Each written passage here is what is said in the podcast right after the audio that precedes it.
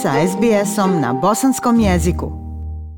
Aisha, lijep pozdrav i tebi i slušateljima SBS radija. Ova izvješta i započinjem glavnom vješću tokom protekle sedmice, a to je konačna presuda Ratku Mladiću. Evo, podsjetit ću, žalbeno vijeće Međunarodnog rezidualnog mehanizma za krivične sudove 8. juna izreklo je konačnu presudu e, bivšem komandantu glavnog štaba Vojske Republike Srpske Ratku Mladiću, kojem je osuđen na doživotnu kaznu zatvora. Tako je ovo vijeće potvrdilo prvostepenu presudu presudu Međunarodnog krivičnog suda za bivšu Jugoslaviju, kojom je prije četiri godine mladić osuđen na doživotni zatvor za genocid u Srebrenici, zločine protiv čovječnosti u 15 općina u Bosni i Hercegovini, opsadu, snajpersko djelovanje. Očekivane su reakcije nakon konačne presude ratnom zločincu Ratku Mladiću. U Federaciji Bosne i Hercegovine je zaista sa olakšanjem dočekana presuda uz isticanje da je istina i pravda konačno dostižna. Evo u narednim minutama poslušajte neke od izjava, odnosno reakcija. Najprije Munira Subašić iz Udruženja Majke Srebrenice. Pa evo, mogu da kažem da je ovo istorijska presuda, nažalost nije bila onaka kako smo mi očekivali, da i druge majke koje, čija su djeca ubijena i koje su doživile genocid, da danas dobiju jednu dio pravdi. Građani Sarajeva, predstavnici udruženja i delegacija grada Sarajeva su upravo tog 8. juna u Sarajevskoj vječnici uživo putem TV prenosa pratili konačno izricanje presude Ratku Mladiću. E, evo šta je ovom prilikom kazao Fikret Grabovica, predsjednik udruženja roditelja ubijene djece kantona Sarajevo. Ratko Mladić je dobio zasluženu kaznu i ja ovo danas gledam ne kao kaznu.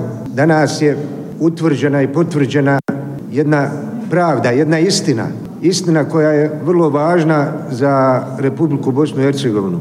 U Sarajevskoj vječnici bila je i Senida Karović, predsjednica Unije civilnih žrtava rata kantona Sarajeva, koja je istakla da je ovo zaista historijski dan. Poslušajte riječi Senide Karović. Nismo zadovoljni u cijelosti, ali smo zadovoljni onom jednom riječi kad kaže krivje. Krivje za 1425 dana opsade grada Sarajeva, kriv je za 11.541 građanina grada Sarajeva nevinog ubijena, od toga 1.601 dijete. Kriv je za sve patnje grada Sarajeva bez struje i vode, kriv je za sve ono što se ne može, nažalost, vratiti. Nakon konačne presude Ratku Mladiću oglasili su se i brojni bosansko-hercegovački zvaničnici. Ovoga puta ću izdvojiti šta su rekli članovi predsjedništva. Šefik Džaferović, član predsjedništva Bosne i Hercegovine, kazao je da je na ovom svijetu ne postoji kazna koja bi bila adekvatna zločinima za koje je Ratko Mladić osuđen, jer ona ne može vratiti u život ubijene niti osigurati potpunu pravdu. Ipak dodao je Šefik Džaferović da je doživotna kazna dijelimična pravda i satisfakcija za žrtve i važna je jer takav čovjek nikada neće biti na slobodi. To je kazao član predsjedništva Šefik Džaferović.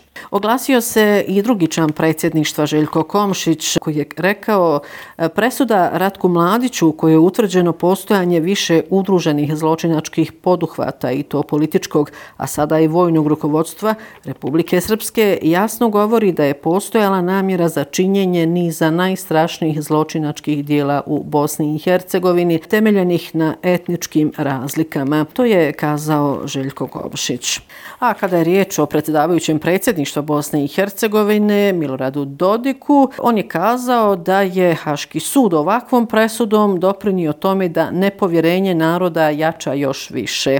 Urušeno je povjerenje u međunarodnu pravdu, sud nije uspio da dokaže direktnu odgovornost zločina. Ovo je sasvim novo u pravu, to ne postoji, kazao je Milorad Dodik, predsjedavajući predsjedništva Bosne i Hercegovine. Inače, u Republici Srpskoj ovakva presuda nije dočekana sa dobrodošicom. Rečeno je uglavnom među običnim svijetom da je za njih Ratko Mladić i dalje heroj i da je ovo jedna nepravedna presuda. U nastavku je išao nekim ostalim aktuelnostima. Vijeće ministara Bosne i Hercegovine 11. juna je zasjedalo i konačno je izglasalo nova pravila i uvjete za ulazak stranaca u Bosnu i Hercegovinu. E, to znači da će osobe koje su vakcinisane ili su prebolovale koronavirus moći ući u Bosnu i Hercegovinu bez negativnog PCR testa. Također odlučeno je na sjednici Vijeća ministara Bosne i Hercegovine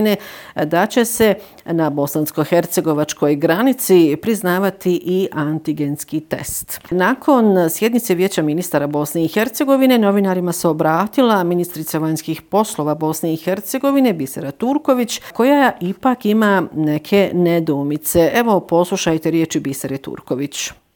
Ti testovi treba da budu na jezicima, da se to specificira, da budu na jezicima UN-a ili da budu na engleskom i jezicima Bosne i Hercegovine. Zamislite sada, dođe vam neko sa potvrdom koja je na kineskom. Šta to znači?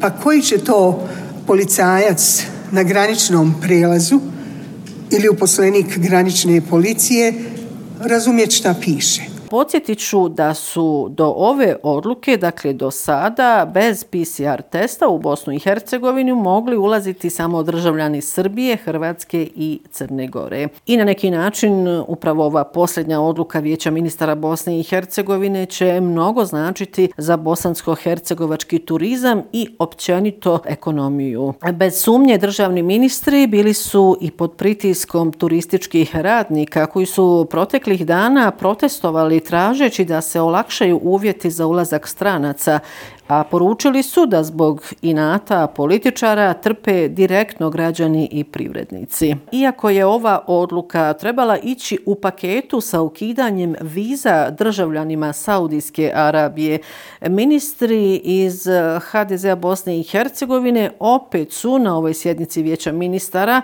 glasali protiv uvođenja privremenog bezviznog režima za njih u periodu od maja do oktobra. Ministrica vanjskih poslova Bosne i Hercegovine Bisera Turković je bila nezadovoljna zbog toga. Prvo poslušajte Biseru Turković, a nakon toga i ministra pravde u vijeću ministara Bosne i Hercegovine Josipa Grubešu, koji je iz HDZ-a BiH i koji je upravo glasao protiv te odluke. Dakle, slušamo Biseru Turković i Josipa Grubešu.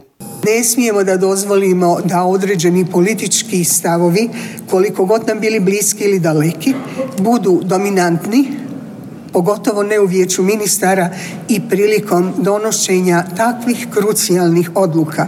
Ova zemlja poslije covid je na rubu kolapsa turistički sektor je na rubu kolapsa. Da mi je bitan tu reciprocitet. Da ljudi koji, dole, koji idu iz Bosne i Hercegovine u Saudijsku Arabiju, da moraju imati vize i ne vidim razloga zašto ljudi koji dolaze iz Saudijske Arabije ne bi imali vize kad dolaze u Bosnu i Hercegovinu. Bilo kakvo špekuliranje o bilo kakvom islamofobičnom ministru ili ne znam nija čemu drugome ne dolazi u obzir kada je riječ o vakcinama koji bi trebali direktno da stignu u Federaciju Bosne i Hercegovine, dakle direktnom kupovinom, tu Aisha zaista nemam nikakvih novih vijesti. Zapravo ovo postaje jedna priča koja se stalno vrti u krug. Prije nekoliko sedmica sam rekla da je konačno dogovoreno da će kanton Sarajevo zajedno sa vladom Federacije Bosne i Hercegovine kupiti ruske vakcine Sputnik V. Međutim, 10. juna je održana sjednica vlade Federacije Bosne i Hercegovine na kojoj je Siniša Skoči Bušić, vede direktora Zavoda za javno zdravstvo Federacije Bosne i Hercegovine,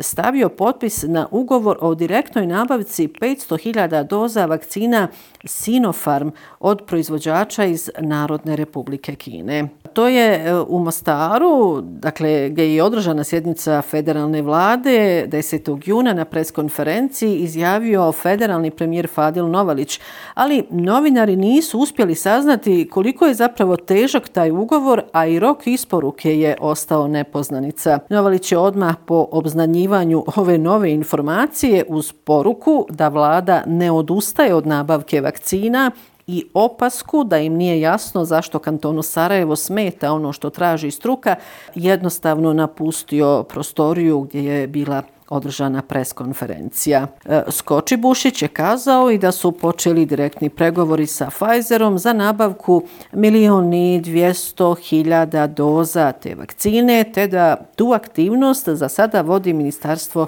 civilnih poslova. I za kraj je još jedna informacija. E, 7. juna u Banjoj Luci je održan susret e, delegacija HDZ-a i SNSD-a predvođenih e, liderima Draganom Čovićem i Miloradom Dodikom. Nakon sastanka predsjednik HDZ-a Bosne i Hercegovine Dragan Čović kazao je da za 10 dana ističe rok za postizanje dogovora sa SDA o izmjenama izbornog zakona Bosne i Hercegovine, te da nakon tog datuma neće biti novih bilateralnih razgovora između predstavnika HDZ-a i SDA. Milorad Dodik je nakon ovog sastanka kazao kako ima dobru saradnju sa HDZ-om, te da ona nije isključena isključujuća za sve druge političke subjekte, prije svega bošnjačke. Dodao je kako SNSD i HDZ imaju zajednički stav da se datumi lokalnih i općih izbora u Bosni i Hercegovini ne trebaju spajati. Eto, iša ovom informacijom završavam ovo sedmični izvještaj iz glavnog grada Bosne i Hercegovine. Još jednom vam lijepe pozdrave iz Sarajeva, šalje Semra Duranović-Koso.